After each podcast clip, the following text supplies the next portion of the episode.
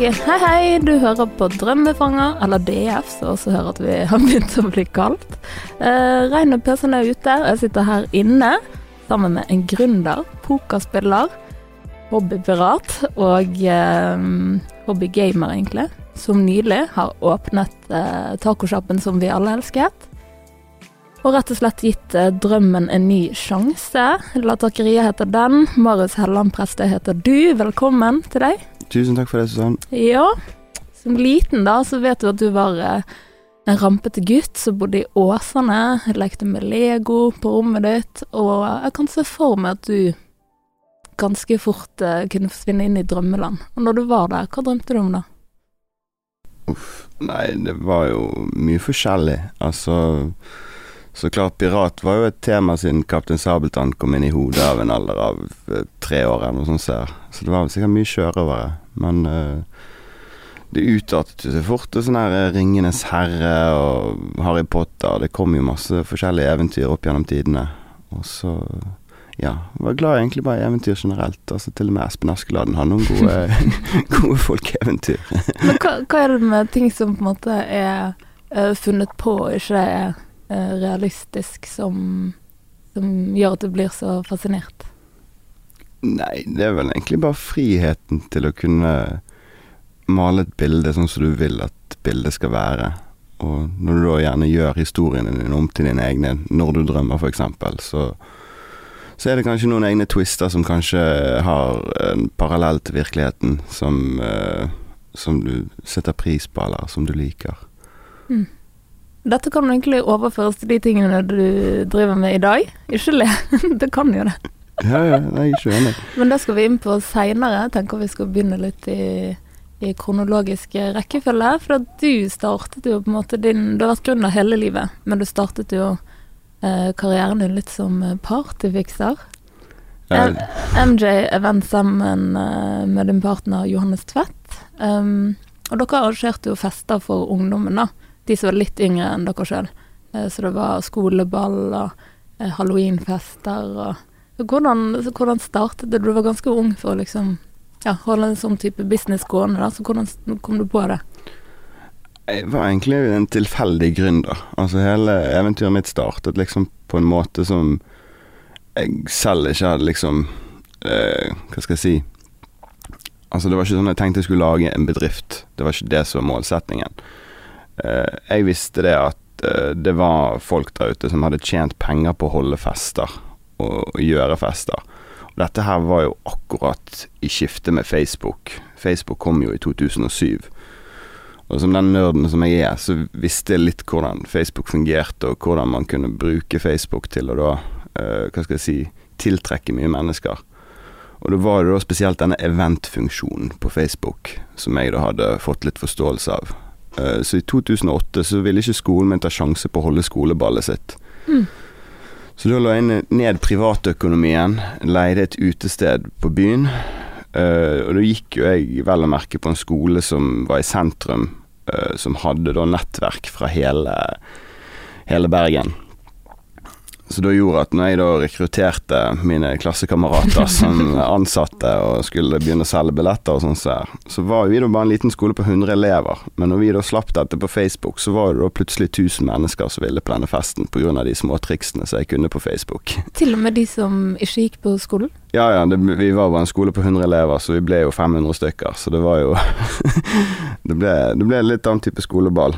Uh, det var mange skoler som ville være med, og, og da skjønte jeg at jeg var inne på noe, da. Før hadde jeg liksom jobbet på McDonald's og spart penger på den måten, men nå var det liksom plutselig kunne tjene mange tusen kroner på én kveld, og da var liksom hva skal jeg si, da var flammen startet. Da, da fant jeg ut shit, uh, dette er det jeg skal holde på med. Uh, så da, da, begynte vi å lage mer og mer fester. Det balte på seg. Begynte å bygge et merkevarenavn. Eh, sammen med Johannes Tvetter, som da var toppselgeren back in the day. og han, han, kom til meg på sjøboden og så sa han, Marius, enten så starter jeg dette her sjøl, eller så kan jeg gjøre det med deg. og da fant jeg ut at fuck it, meg og han er nødt til å gjøre det sammen. Og da startet vi da dette MJ-event. Ja, Var dere to venner på det tidspunktet? Ja, ja. Vi ja. har blitt veldig gode venner. Ja. Uh, ja. Interessant. Ja, og så bare gikk disse Det dundret det gikk i noen år, da, med disse Ja, så festene. og- gikk det slag i slag, og så merket jo vi det at uh, når vi hadde holdt på med dette i et år, så gikk jo ikke vi egentlig på videregående lenger og sånn sett der. Så det ble liksom feil å holde fest. Og så var det gøy å holde på med, og det var interessant og det var lærerikt, men vi var jo da interessert i å lage noe for vår egen aldersgruppe, da. Sånn at det både var gøy og at det var liksom noe å tjene penger på i tillegg. Mm. Så da kom vi på dette navnet, da, der vi da kombinerte uteliv og eh, trend, og så ble det da Utetrend Ja. som da oppstartet inni dette kaoset. Mm. Og de fleste kjenner jo Utetrend eh, her i Bergen som eh, et nettmagasin. Vi to har jo vært partnere der lenge. Men det startet altså som mer et eventselskap, en plattform for å eh, hva da, formidle fest. Ja, vi likte å kalle oss et sånn sosialt samlepunkt. Mm. At liksom, hvis folk visste om utetrening, så visste de om et sosialt samlepunkt som da hadde lyst til å få mennesker med til å være, være sosiale og ha det gøy og finne på noe kjekt ute på byen. Mm. Og da leide jo vi forskjellige venues, alt fra Jakob Aall til Riks til Bankorotto hadde vi vel en gang i tiden. Og Mm. vi leide forskjellige venues og lagde til eh, festiviteter. da, Alt fra maskeradeball til you name it. Og så ble jo det da et klubbkonsept som vi gjorde med Kontra, som ble liksom det mest kjente utelivskonseptet som vi i Utetrend gjorde, som da var Syden. Mm. Og det var jo tirsdager, og de tirsdagene holdt vi gående. Jeg tror vi holdt det gående i fem år, så det ble jo, ble jo litt useriøst. Det var gøy. jo, det var gøy, det, Det var, var gøy, gøy. men det ble jo ble mye Jeg er så glad for at de bildene jeg finner ikke de igjen. Ja, de ligger der. Ja, de er der, ja. Ja da. Hvis du går, går i arkivet på så si kan du ta en reise fem-seks år tilbake i tid. Uff. Men så lurer jeg på, for som sagt, dette ble jo, det gikk jo fra dette til eh, et nettmagasin som leverte kulturstoff, sant, musikk, mote, uteliv. Um, ja, portrettintervjuer, alt, alt eh, av kulturstoff i Bergen for unge, da. Så jeg lurer på hvordan gikk den overgangen? Altså, hvor, hvorfor, hvorfor fant dere ut at dere ville drive eh, eh, altså en avis, nesten? Vi så det at um, En ting var liksom å holde fester, men det var liksom mye historier der ute som vi hadde lyst til å fortelle. Uh, og merkevaren vår hadde jo fått veldig mye oppmerksomhet pga. eventer, og eventer på Facebook fungerer veldig bra. Og da var det litt sånn at ok, mange visste hva utetrend var, men vi holdt bare fester, så vi hadde på en måte lyst til å være noe mer, da, og begynne å egentlig fortelle historier fra Bergen. Og da var det egentlig sammen med Martine, og så ble også Odin med på laget. Mm, Så da- du må si eh, det er ikke alle som vet hvem Martine det er. Martine Onestad og Odin Oddekalv. Ja. Så de ble da med på laget, og så eh, startet vi dette nettmagasinet. Eh, hvor vi da blant annet fikk med oss sånn Leo Ajkic, han var vel første saken vi skrev om. Og så lanserte vi det da i 2014.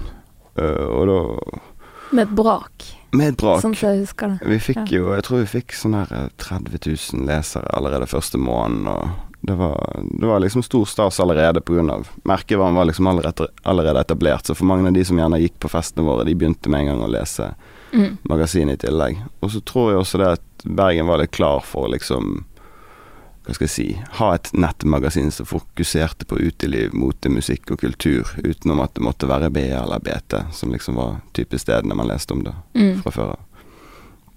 Det ble liksom for ungdom av ungdom, på en måte, Mm. i Bergen. Og i begynnelsen så var det jo veldig mye sånn eh, ja, eh, dating, og det var litt mer sånn eh, Hva skal jeg si det, var, det var et litt annet type stoff enn det ble på slutten, da. Ja, nei, altså vi har jo vært litt sånn at uh, vi Altså Utetrend ble jo på en måte en plattform for unge skribenter og unge innholdsskapere, der de fikk lov til å på en måte utarte seg. Så så klart, vi satt jo sånn visse rammer på at vi ville helst at det skulle ha noe med uteliv eller noe med mote, musikk og kultur, men det ble jo så klart en del bare sånn underholdning og litt sånn her eh, hva skal jeg si, saker som var litt sånn her Vi skrev vel om drømmegutten, så det var sånn typisk gutt og hva feil han gjorde. Vi lagde jo litt sånne kåserier og Mm. masse sånn Hva skal jeg si, mer som bare på show, da. Så det, men det var også en del av greiene òg. Altså det- alt må ikke være sånn praktisk eh, informasjon. Noe kunne jo bare være litt eventyr som vi fant på i byen. Mm. Hva er det beste minnet fra den tiden? Det var jo folkene. Altså, det har jo vært mange gøye redaksjoner. Og jeg syns jo redaksjonsmøtene var noe av det gøyeste. For selv om ikke alle ideene som på en måte kom ut fra redaksjonsmøtet ble ekte ideer, så var det liksom det å bare sitte i et redaksjonsmøte og leke med ideer, det syns jeg egentlig var det gøyeste med de møtene, eller med den tiden. Mm. Og du var jo på eiersiden, sant, og de fleste eh, av de som var det, hadde du ikke tid til å være med på det, men du var alltid engasjert og med, da. Det var litt kult. Jo, jeg syns jo at det var noe av det gøyeste. Så for meg så var det liksom det å kunne sitte der og leke med ideer. Jeg har jo sjøl ikke vært noe veldig flink å skrive opp gjennom tidene. Jeg var jo Mm. mer en sånn mattegutt på skolen. Så for meg å liksom bare kunne komme med ideer og se at liksom andre fikk passion for samme ideen, og så plutselig ble det en sak, og plutselig var det tatt bilder og sånn og sånt, det syns jo jeg bare var helt fantastisk. Mm. Men så bestemte dere tre gutter, fire, Ja, vi var vel fire da, faktisk. Ja. fire guttene for å em, ekspandere. Man skulle bli til et kommunikasjonsselskap som fikk navnet Skog. ja. Og da, Ja. da hadde vi med oss Kurt Alexander. Han kom vel underveis på Utetrend òg. Mm. og ble med der og hjelpe til med litt struktur og sånt. Han var jurist, så han var litt sånn Han sørget for at vi hadde papirene i orden, for vi, vi tre andre var ikke så veldig sånn papirorienterte mennesker. Sørget for at regler og sånt var gjort litt mer riktig. Mm. Ehm, nei, så vi fire sammen, vi, eh, vi startet jo da kommunikasjonsbyrå. Det var jo da egentlig basert på all lærdommen fra Facebook-eventer eh, som vi gjorde liksom før, fra MJ-event-tiden og utrent-tiden. og at det Mm. det er det vi også lærte som å drive et nettmagasin. For når du skal drive et nettmagasin, så driver du mye på Facebook og Instagram. Du bruker mye av disse sosiale plattformene for å generere lesere. Så da tok vi egentlig mye av de strategiene vi da hadde lært i Utetrend, og implementerte det for bedrifter. da Sånn at bedrifter da eh, kunne da bruke mye av samme oppsettet som vi hadde gjort. Ja. Og da var det egentlig det å skape innhold, og da var det alt fra video til tekst til bilder, og da kommunisere dette ut for bedrifter. Da. Så det var ganske spennende, òg. Mm. Føl, følte du deg klar, liksom? For Altså det som var når vi gjorde dette, så var Facebook fortsatt så nytt. At sånn, jeg vet ikke om Business Manager hadde kommet helt en gang når vi begynte. Jeg tror vi måtte begynne med bare sånn vanlig sidegreier. Så utviklet det seg til Business Manager, og Facebook satset jo veldig på dette i 2016. mm. Men vi var vel allerede i gang med dette i 2015.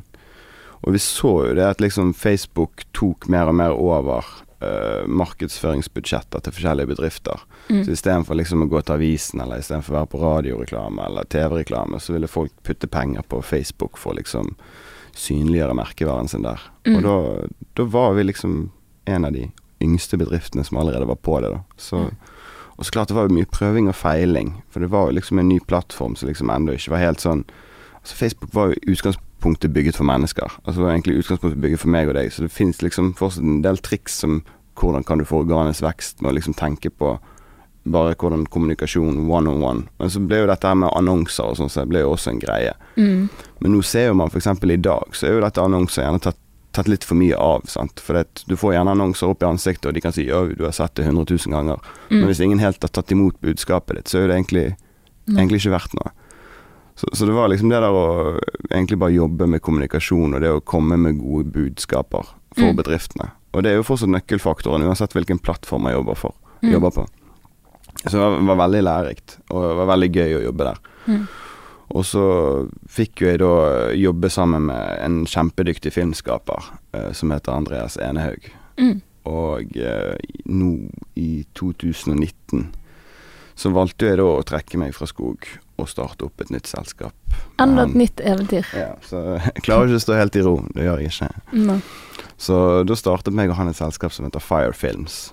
Uh, og det var også egentlig en del av det at når jeg fikk jobbe i skog, så fikk jeg liksom kjenne på mye kreativitet, og jobbet jo som sagt med veldig mye forskjellig. Og når jeg da liksom oppdaget film og fikk den passion for film, og det fikk jo jeg i Utetrend òg, Utetrend der Mm. jobbet jo meg og deg blant annet med Mm. film. Ja. Og liksom hvordan man kan bruke film som et uh, historieverktøy, og hvordan man kan liksom fortelle uh, historier som påvirker folk. Det var jo Jeg syns det var noe av det gøyeste. For én ting er liksom tekst og bilder, det er hyggelig det òg, men når du gjør det på film, så kan du liksom Det er så mye små triks imellom som du ikke kan bruke i den andre. ja, men jeg ser liksom en rød tråd, for du har på en måte uh, holdt dette med i historiefortelling hele veien. Mm. Og så husker jeg når vi to jobbet sammen, at du ble veldig giret på å liksom lære film best mulig. Brukte utrolig mye ekstra tid eh, med vår kjære Ole Kristian Olsen i studio på å lære foto og film bra. Og så nå startet uh, Fire Films med Andreas, og ja, du har egentlig bare altså, spinnet videre på, på din uh, passion, da. Ja, nei, det har hatt en sånn naturlig gang, så jeg vet ikke helt om jeg liksom har valgt noe sjøl, eller om det er bare nysgjerrigheten som bare fortsetter å pushe grenser. Mm. Men hva er det som driver deg, da? Generelt? Nei, altså det er jo mye som driver deg. Altså, jeg har jo en kjæreste, hun driver meg. Man har venner og hva skal jeg si, kompanjonger, de driver deg. Uh, så jeg vil jo egentlig si at det er mennesker som driver meg mest. Altså det der å ha de gode samtalene, sånn som når meg og Andreas skal lage en film, når vi sitter og snakker om ideene på hvordan vi skal lage denne filmen, så, så blir man veldig giret, og så går man liksom ut og så tar man styring, og så filmer man det. Og uh, jeg tror egentlig det, det, å kunne ha frihet er jo på en måte noe som ligger essensielt i meg. Altså litt denne pirat, pirate life for me. Mm. Og, og, og det, det, vil jo si at det for meg å kunne styre min egen tid, syns jeg er mye viktigere enn, å, enn liksom det å nødvendigvis være superrik. Altså man kunne gjerne jobbet i oljen og hatt kjempemye penger og vært litt mer strukturert, eller tatt en utdannelse og fått seg en ni til fem-jobben noe sånt. der. Ellers så kan man liksom uh, hva skal jeg si, bare følge drømmene sine, og så må man skape noe ut av det. Og det som man får der, er frihet til at man må stole på seg sjøl, og man må sjøl ta det ansvaret. Mm. Uh, for å kunne sørge for å betale husleie eller mm. telefonregningen eller hva det måtte være. Ja. Uh, Føler du at du har klart å ta det ansvaret? Ja, til en viss grad, men det er jo veldig både òg. Altså, man har jo gode måneder, og man har dårlige måneder. Uh, så så klart, jeg er jo ikke noe sånn uh, Hva skal jeg si Jeg, jeg ser jo ikke på meg sjøl som en sånn supermaterialistisk person. Så sånn som så folk flest måler gjerne ting, kanskje materialistiske verdier, men jeg vil jo si at uh, måten jeg har på en måte fått de vennskapene jeg har fått, og på en måte de menneskene jeg har fått lov til å jobbe med, og den reisen jeg har fått lov til å være med på, så ser jo jeg på en måte det mer som mine skatter enn at mm. jeg må betale skatt. Jeg vet ikke. mm. Og du, du, du, mm, Eller vent litt. Du, du, har tatt litt utdanning, men du har ikke fullført en bachelor, er det sånn? Ja, jeg, jeg begynte på BI mm. i 2009 eller noe sånt.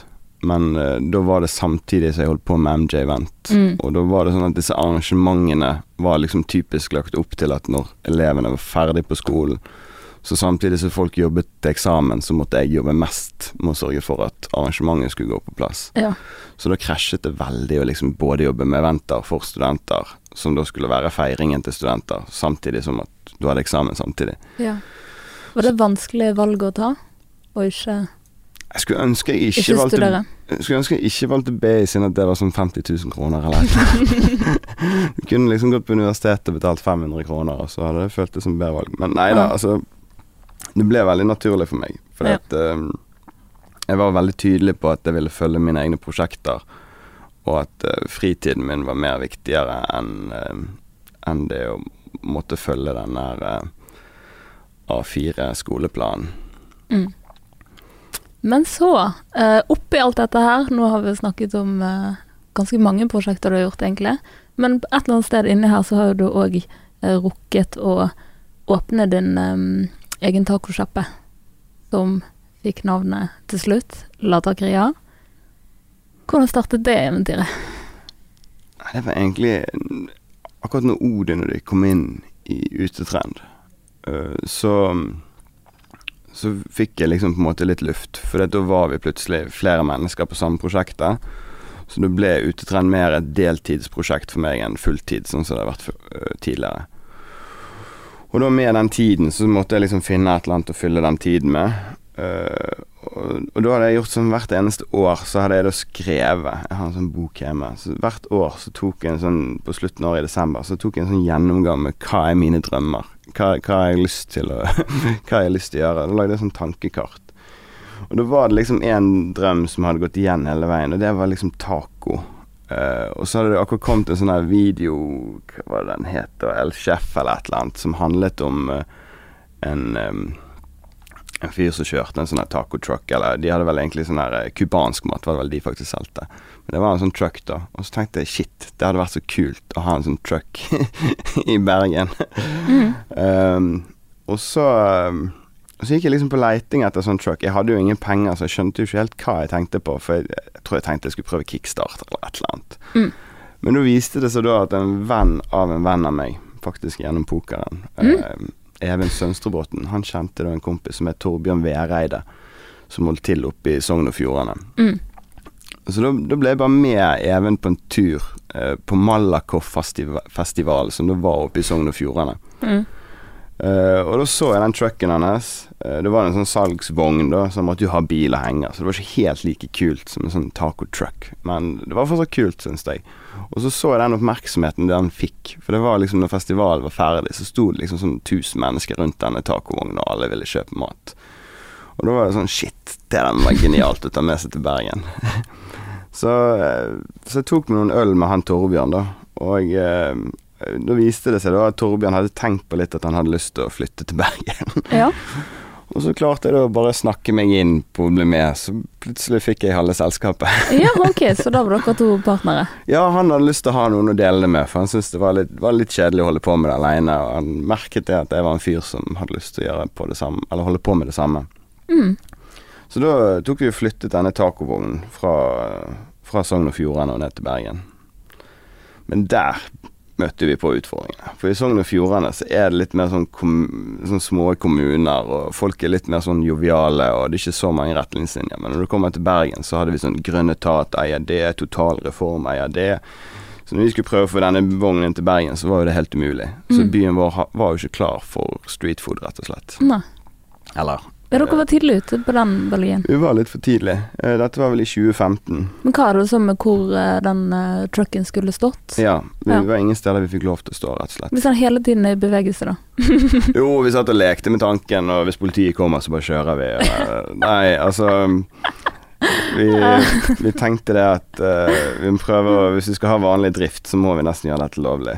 Ja. Um, og til slutt så fikk vi da lov ute i Åsane, faktisk, så da tok jo jeg eh, tacovognen tilbake igjen til mine gamle røtter. Back to basics. Så da sto vi utenfor Åsane senter. Um, etter vi hadde vært der i sånn eh, seks måneder, så innså vi det at det, det kjøpesenteret var ganske fullt av pensjonister. og pensjonister var ikke helt, eh, helt målgruppen vår. Nei. Uh, så da var det ikke helt den store omsetningen der. Uh, vi reiste faktisk opp igjen til Sogn og Fjordane, og reiste på masse festivaler. Mm. Eh, og da fikk vi faktisk med oss eh, Glenn uh, Nygaard og eh, Angel. Og Angel, Mm. da, det var han som da var med å utvikle disse, eh, denne autentiske tacoen. For vi begynte med en sånn Tex-Mex-taco, Ja. men det var han Angel da som var med å utvikle dette til å bli eh, Det beste av det beste. Ja, altså han eh, liksom gjorde bergenserne kjent med eh, autentisk meksikansk taco, som Ja. da er mye mer fruktigere smaker. Han bruker jo en eh, hemmelig oppskrift fra eh, hva var det da, mormor eller et eller annet i Ja, Mexico. Han har eh, både mor og mormor som er eh, tacokokker og har liksom vært på kjøkkenet siden han var åtte år, så han, Ja. han er veldig kjent i, på det meksikanske kjøkkenet. så Nei, så, så da klarte vi å skrape sammen litt penger, og så åpnet vi da denne tacosjappen i Vertrilsammenningen 2015. Mm. Det var en deilig dag, husker jeg. Jeg får endte opp med å bli en veldig god kunde. Sant? Det Ja, var, du var der ofte. takerier til uh, ofte lunsj hver dag. Av og til ble det kvelds der hver dag. altså det var flere ganger om dagen, egentlig. Ja, det ble Mm. mye tacos. Ja. Så uh, Men så uh, Ja, så holdt det Det rullet og gikk eh, en god stund, men så, så skjedde det noe. Hva var det som skjedde? Nei, altså vi, vi gikk jo på sånn gründerspirit, og det var jo ikke sånn sånn superhøye lønninger og den type ting. Og så kom det noen nye insentiver med høyere lønning, eller høyere lønningskrav. Kombinert med det at vi hadde pådratt oss en gjeld på nærmere en halv million eller 300 000, eller hva det var for noe. Uh, og vi klarte faktisk ikke å overleve den vinteren 2017 til 2018. Mm.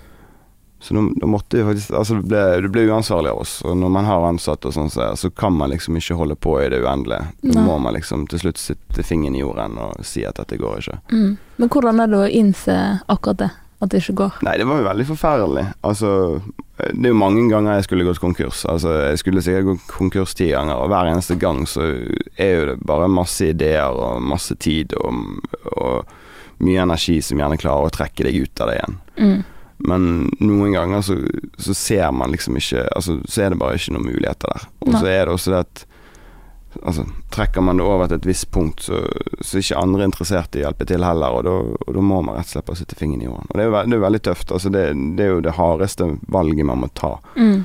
Og, og det er jo ikke et gøy valg å ta, men, eh, men noen ganger så må man bare gjøre det. For at hvis ikke så går det så, så negativt utover andre mennesker som du bryr deg om. Mm. Hvordan påvirket det deg etterpå, da, å innse at man var konkurs, på en måte? Nei, altså det var både deilig Altså På en måte var det For altså, det, det er mye verre i den opprydningsprosessen når du sitter og tror at du skal klare å løse det, og så klarer ikke du å løse det. Så det å faktisk å gi slipp var faktisk veldig kjekt, for det hadde bygget seg opp som en sånn her eh, klump på skulderen, eller eh, styggen på ryggen, eller hva man skal kalle det for noe. Så det var liksom Det var verre måneden før vi skulle stenge, en måned etter vi hadde stengt. Mm. For da var det liksom sånn Ok, nå er det kapittelet satt strek på. Jeg har lyst til å gjøre noe med det igjen, men jeg kan ikke gjøre noe nå. Og så holdt jeg på med skog samtidig. Jeg må fokusere på skog. Mm. Og så, så fortsatte jeg egentlig bare med skog akkurat da. Men hadde du den lille stemmen i hodet som sa 'dette her er ikke ferdig', det kommer til å Ja, komme en tid der vi åpner opp igjen? det, det var liksom det jeg prøvde å si til meg sjøl, at en eller annen gang så kan det godt hende at dette her kan bli noe. Og vi har gjort solid arbeid eh, altså mot det med merkevarebygging og med, med det å introdusere Bergen til en ny type taco. Så jeg følte liksom noen ting i denne historien var allerede en suksess. Eh, og det var jo det som da ledet meg inn til nå, eh, sommeren i 2019, eh, når han Medi tok kontakt. Mm. For jeg hadde jo egentlig lagt det på is, og jeg hadde fortsatt ikke liksom sett noen vei på hvordan jeg skulle klare å få dette til. Men så kom han Medi i dialog med meg. Medi han har jo dette her Home on Time, han er jo gründer av det. Og så sa han til meg Marius, når dere var inne i appen vår Home on Time, og vi leverte mat hjem til folk, eh, så eh, så var dere en av de produktene som solgte mest. Og liksom, vi ser at liksom, det er dere folk fortsatt etterspør. Mm. Og det samme så jo vi også når vi stengte, så var det sånn flere hundre mennesker som liksom kommenterte og savna Mm. dere, håper Ja. dere kommer tilbake igjen. Og det var ve veldig mye Uff. kjærlighet. Det Eh, var trist. og da viste det seg det at vi hadde noen venner som da hadde et lokale eh, borte på Engen. Så når meg og Medi og de fikk sitte og snakke sammen, og vi på en måte da ble enige om at shit, dette her kan vi faktisk få til, og nå kan det faktisk komme ut, ikke bare som en sånn take away-kjøkken som vi var sist gang, men nå kan det faktisk komme som en restaurant. Mm.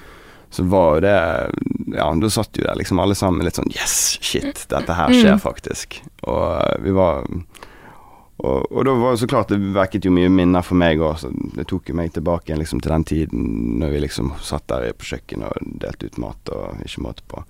Og, eh, og når vi da endelig da skulle slippe det Vi slapp det vel nå i Var det januar? Jeg tror det var januar. Ja, det var 20. januar. Ja.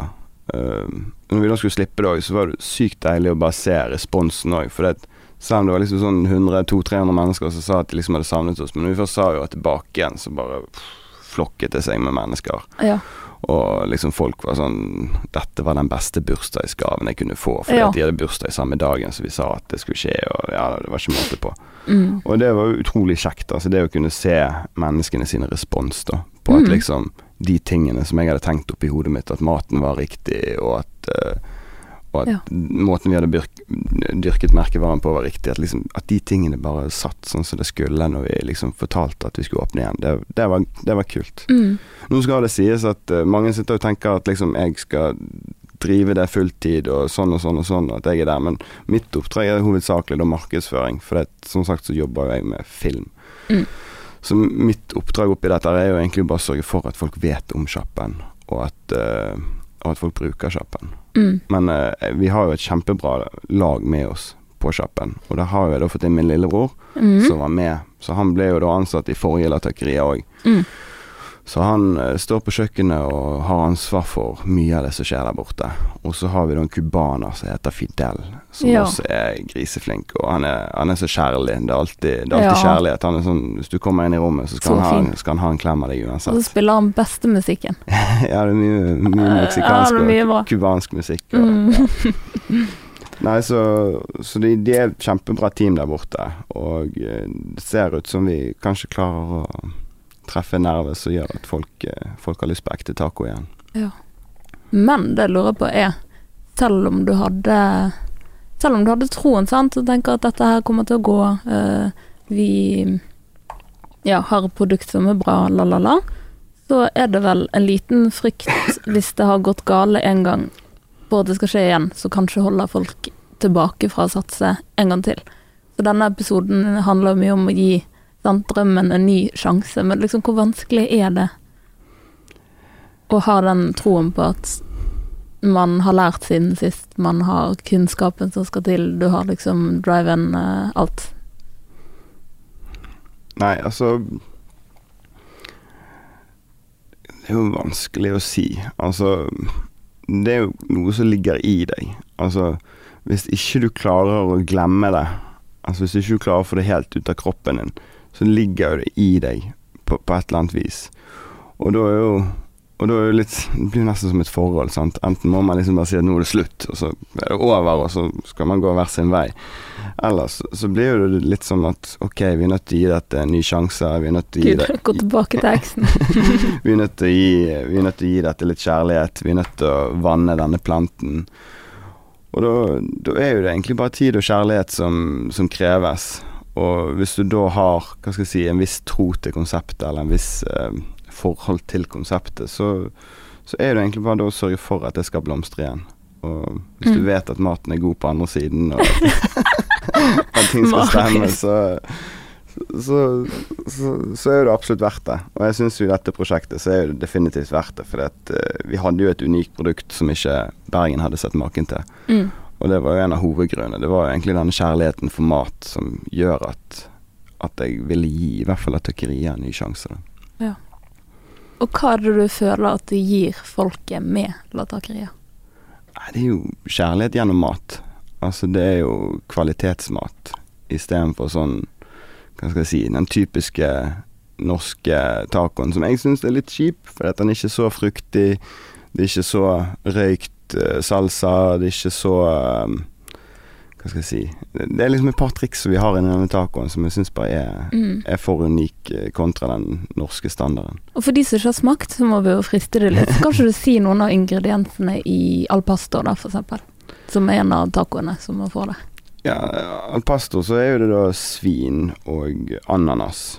Og jeg skal jo si at når jeg først ble introdusert til al pastor, så var ikke jeg en sånn ananas. Jeg var sånn typen som pillet ananasen av pizzaen hvis jeg fikk det på pizza, og var egentlig litt sånn ananas eh, Hva blir det, sånn motstander. Mm. Men så, når jeg først fikk smake denne her, og så fikk jeg beskjed av han Angel, meksikaneren, at nei, du må spise dette her, og det er allerede ananas i marinaden, for vi bruker ananasjuice i marinaden sammen med en kryddermiks som heter achiote.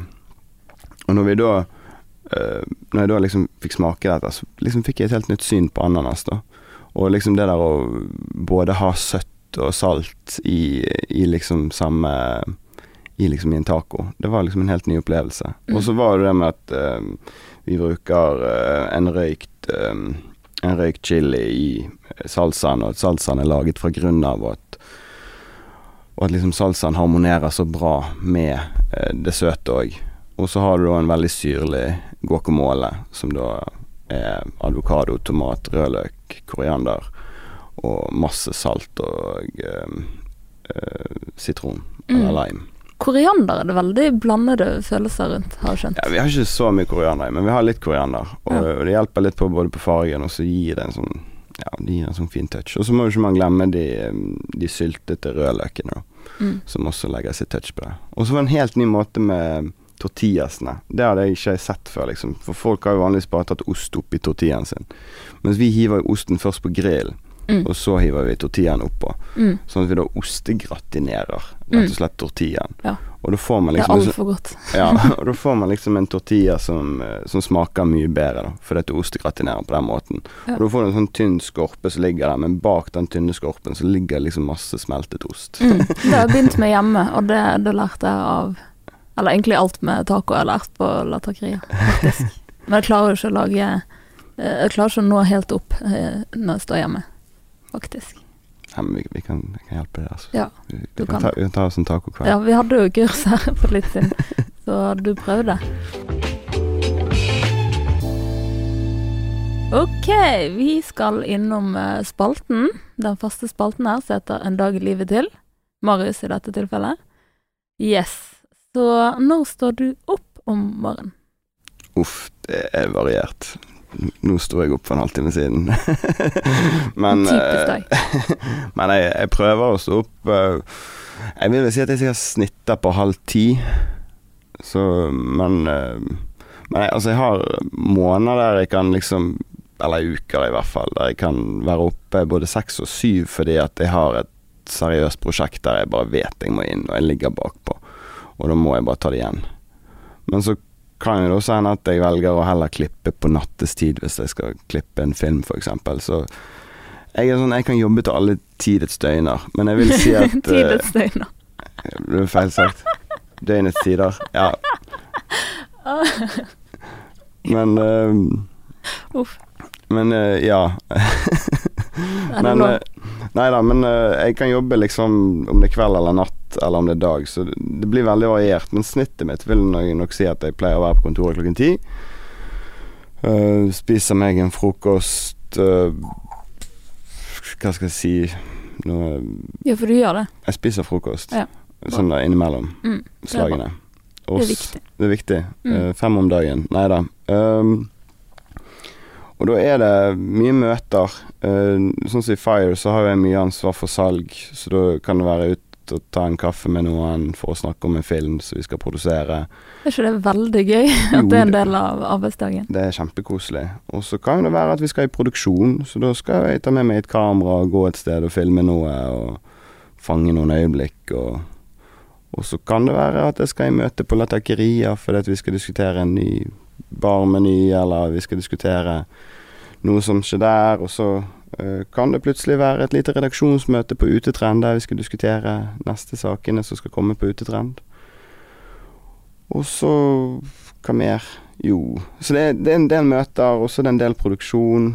Og så er det da å få disse tingene til å passe sammen. Uh, og så er det gjerne da å sitte seg ned der sånn innimellom og bare få planlagt uken sin. For det kan ofte gå slag i slag, så det er greit å ha liksom en overordnet plan på liksom hvor man skal. Så vet ikke, planlegging, møter og produksjon. Ja. Jeg tr tror det er det blandingen. Ja. Og så masse Det- mennesker. det høres riktig ut. Eh, Hvem er den første du ringer om morgenen? Nei, om morgenen. Sorry. Unnskyld. Generelt. Jeg vil si at det er en topp tre.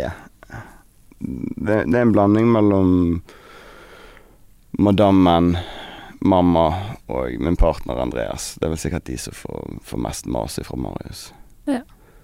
Koselig. Hva gjør du mellom eh, ni og fire? Nå vet vi jo litt. Ja, jeg føler jeg oppsummerte ganske greit der. Ja. Um, det er stort sett det jeg gjør. Eller jeg, jeg kan godt hende jeg er på Latakeria og spiser. Mm. Disse hobbyene dine får ikke så mye plass eh, i det tidsrommet. Nei. Da tenker jeg gaming, poker. Ja, nei, jeg spiller jo litt spill. Så, Litt. eh, så jeg, Litt. lik, jeg liker å spille spill. Jeg er veldig glad i det.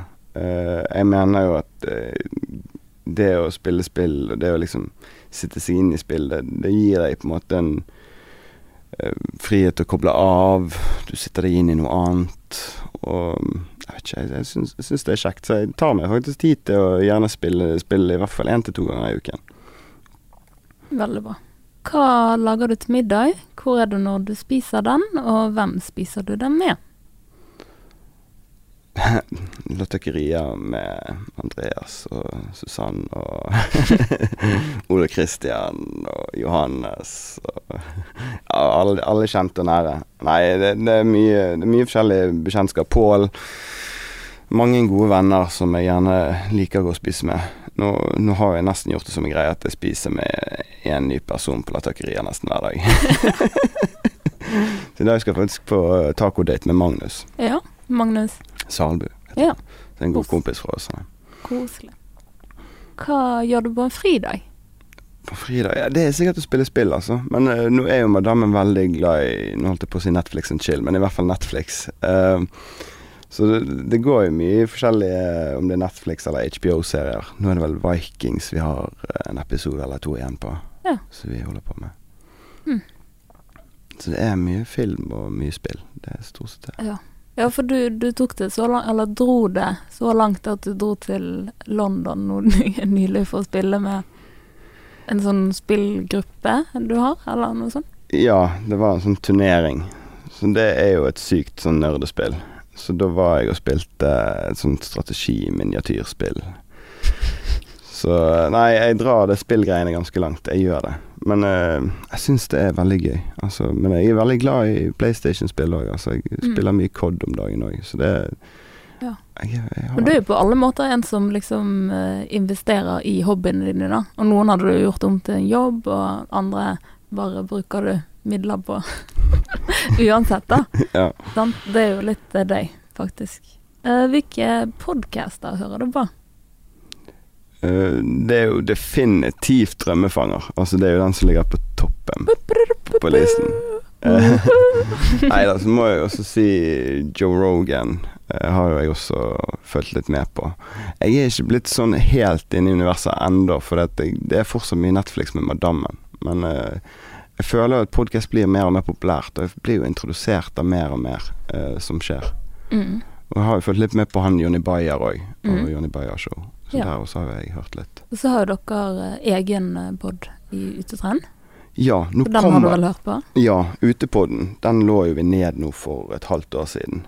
Uh, Mm. Men det som skjer nå, og det er faktisk en ny lansering Så i dag, nå etter jeg er ferdig på dette møtet, så skal jeg eh, lansere vår nye podkast slash eh, videospalte, eller videoserie. Ja. Så vi kommer faktisk med en videoserie nå som heter Rett i nebbet. Så Mm. det har vi jobbet med nå i tre måneders tid. Um, så det er egentlig mer eller mindre meg og Andreas har vært og besøkt elleve restauranter. Uh, vi forteller hvordan maten er. Vi forteller liksom uh, hva ingredienser, hvordan de setter det sammen, hvordan den smaker. Og så egentlig anbefaler vi egentlig bare forskjellige restauranter i, i Bergen by, da. Ja, Det er gøy. Så, så, så Det det, passer fint nå i februar mens Bergen spiser festival eh, holder på. ja, Det er liksom fokus på mat. Mm. Hvilket lesestoff ligger og venter på nattbordet? um, Det er vel ikke så mye lesestoff. Jeg hadde vel den der um, Å, hva het den, da? Homo sapiens-boken. Mm. som handler litt om urmennesket og de tingene. Eh, Så det er vel kanskje den siste, men den er ikke blitt ferdig med. Den er vel bare kommet sånn halvveis i. Ja. Ellers er det sikkert en eller annen regelbok for et eller annet Warhammer, eh. Mm. Og så så jo hjemme hos deg det ligger en del fagbøker, men det er kanskje Ja, det er madammen. ja, kjæresten din sin. Så hun er på høyskolen nå. Ja. Nei, men flott. Da var vi gjennom den uh, spalten. Det siste jeg ville gjennom, er bare litt sånn Du juggler jo mye prosjekt, sant. Jeg lurer liksom på hvordan klarer du å fordele fokus, og hvordan klarer du å fordele tid? For jeg vet at veldig mange av oss sliter med det. Jeg er veldig sånn Hva skal jeg si jeg Google kalender, altså putte opp tid. Og så har jeg liksom hele tiden sittet altså, Tiden din er jo ressursene du har. Altså I hvert fall som gründer så liksom tiden er liksom nummer én ressursen din. Og så er liksom penger nummer to. Og, og da er det litt sånn Når du er dedikert til de forskjellige prosjektene, så må man liksom leve opp til litt den rollen og litt den forventningene til de menneskene som man sitter rundt. Og da er det å være tydelig med menneskene rundt deg, eh, hva forventninger de kan sette til deg, og så da prøve å sette, gjenspeile de forventningene i kalenderen i den tiden du skal da prioritere. Så så klart, når man var yngre, så var det veldig vanskelig. Da hoppet jo man bare på ene til den andre. Men på sikt så blir jo man ikke akkurat konservativ, men man blir litt mer eh, tryggere på hva som er riktig, og hva som er feil prioritering, da. Så nå tok vi en veldig sjanse på den eh, hva skal jeg si, podcasten som vi lanserer, at liksom at vi investerte så mye tid i den. Så den har vi investert altfor mye tid i. Men, eh, men, eh, men sånn som når det kommer til filmprosjekter og sånn, så vet jeg liksom at Fire Films er liksom min nummer én-prosjekt. Så da må jeg liksom sørge for at jeg bruker nok tid der Mm. for at alle prosjektene der skal gå gjennom. Og så kommer på en måte Utetrend og Latøkkerier i på en måte en god andre rekke. Eh, Der det vel å merke blir vel Latøkkerier, og så blir det vel Utetrend. Men ja. Ja. Og da er det sørge for Og så blir jo det sånn som en gründer at man er, jobber gjerne ikke bare 40 timer. Så det blir jo da fort at hvis det er prosjekter som er aktive, så må man liksom gå på bekostning av fritiden. At ah, shit, denne dagen får ikke jeg spille, eller den dagen får ikke jeg sett på den serien. Og så må du heller ta i et skippertak for å sørge for at prosjektene går gjennom. Men hvis prosjektet er gøy nok, så kan det godt hende gøyere å jobbe med et prosjekt enn å Mm. se en film. Og hva gjør at eh, du føler at alt dette her er verdt det? Nei, det er jo sånn som jeg nevnte i sted, at det er en blanding av frihet og menneskene du får lov å jobbe med. Jeg tror det er de to tingene jeg setter høyest pris på. At det er det mest koselige. Mm. Når man får jobbe med andre kreative mennesker, og de kommer med ideer, og du kommer med ideer, og dere sparrer og dere riffer, og så skaper du et nytt univers sammen med det mennesket. Det, det, det er kjempegøy. Mm. Og så det å gjerne se, hva skal jeg si, alle de forskjellige parallelle virkelighetene du kunne laget ut av den historien, og så til slutt så velger du å lage den historien, og så, Mm. og så er det den Jeg historien elsker den parallelle Ja, det har vi til felles. Ja. Så nei, shit. Det er veldig interessant da, å se liksom ulike utfall av en situasjon. Og så tenker man at et eller annet univers, et eller annet sted, så skjer det nå. Men ikke her. Ikke her. Ikke her på jorden.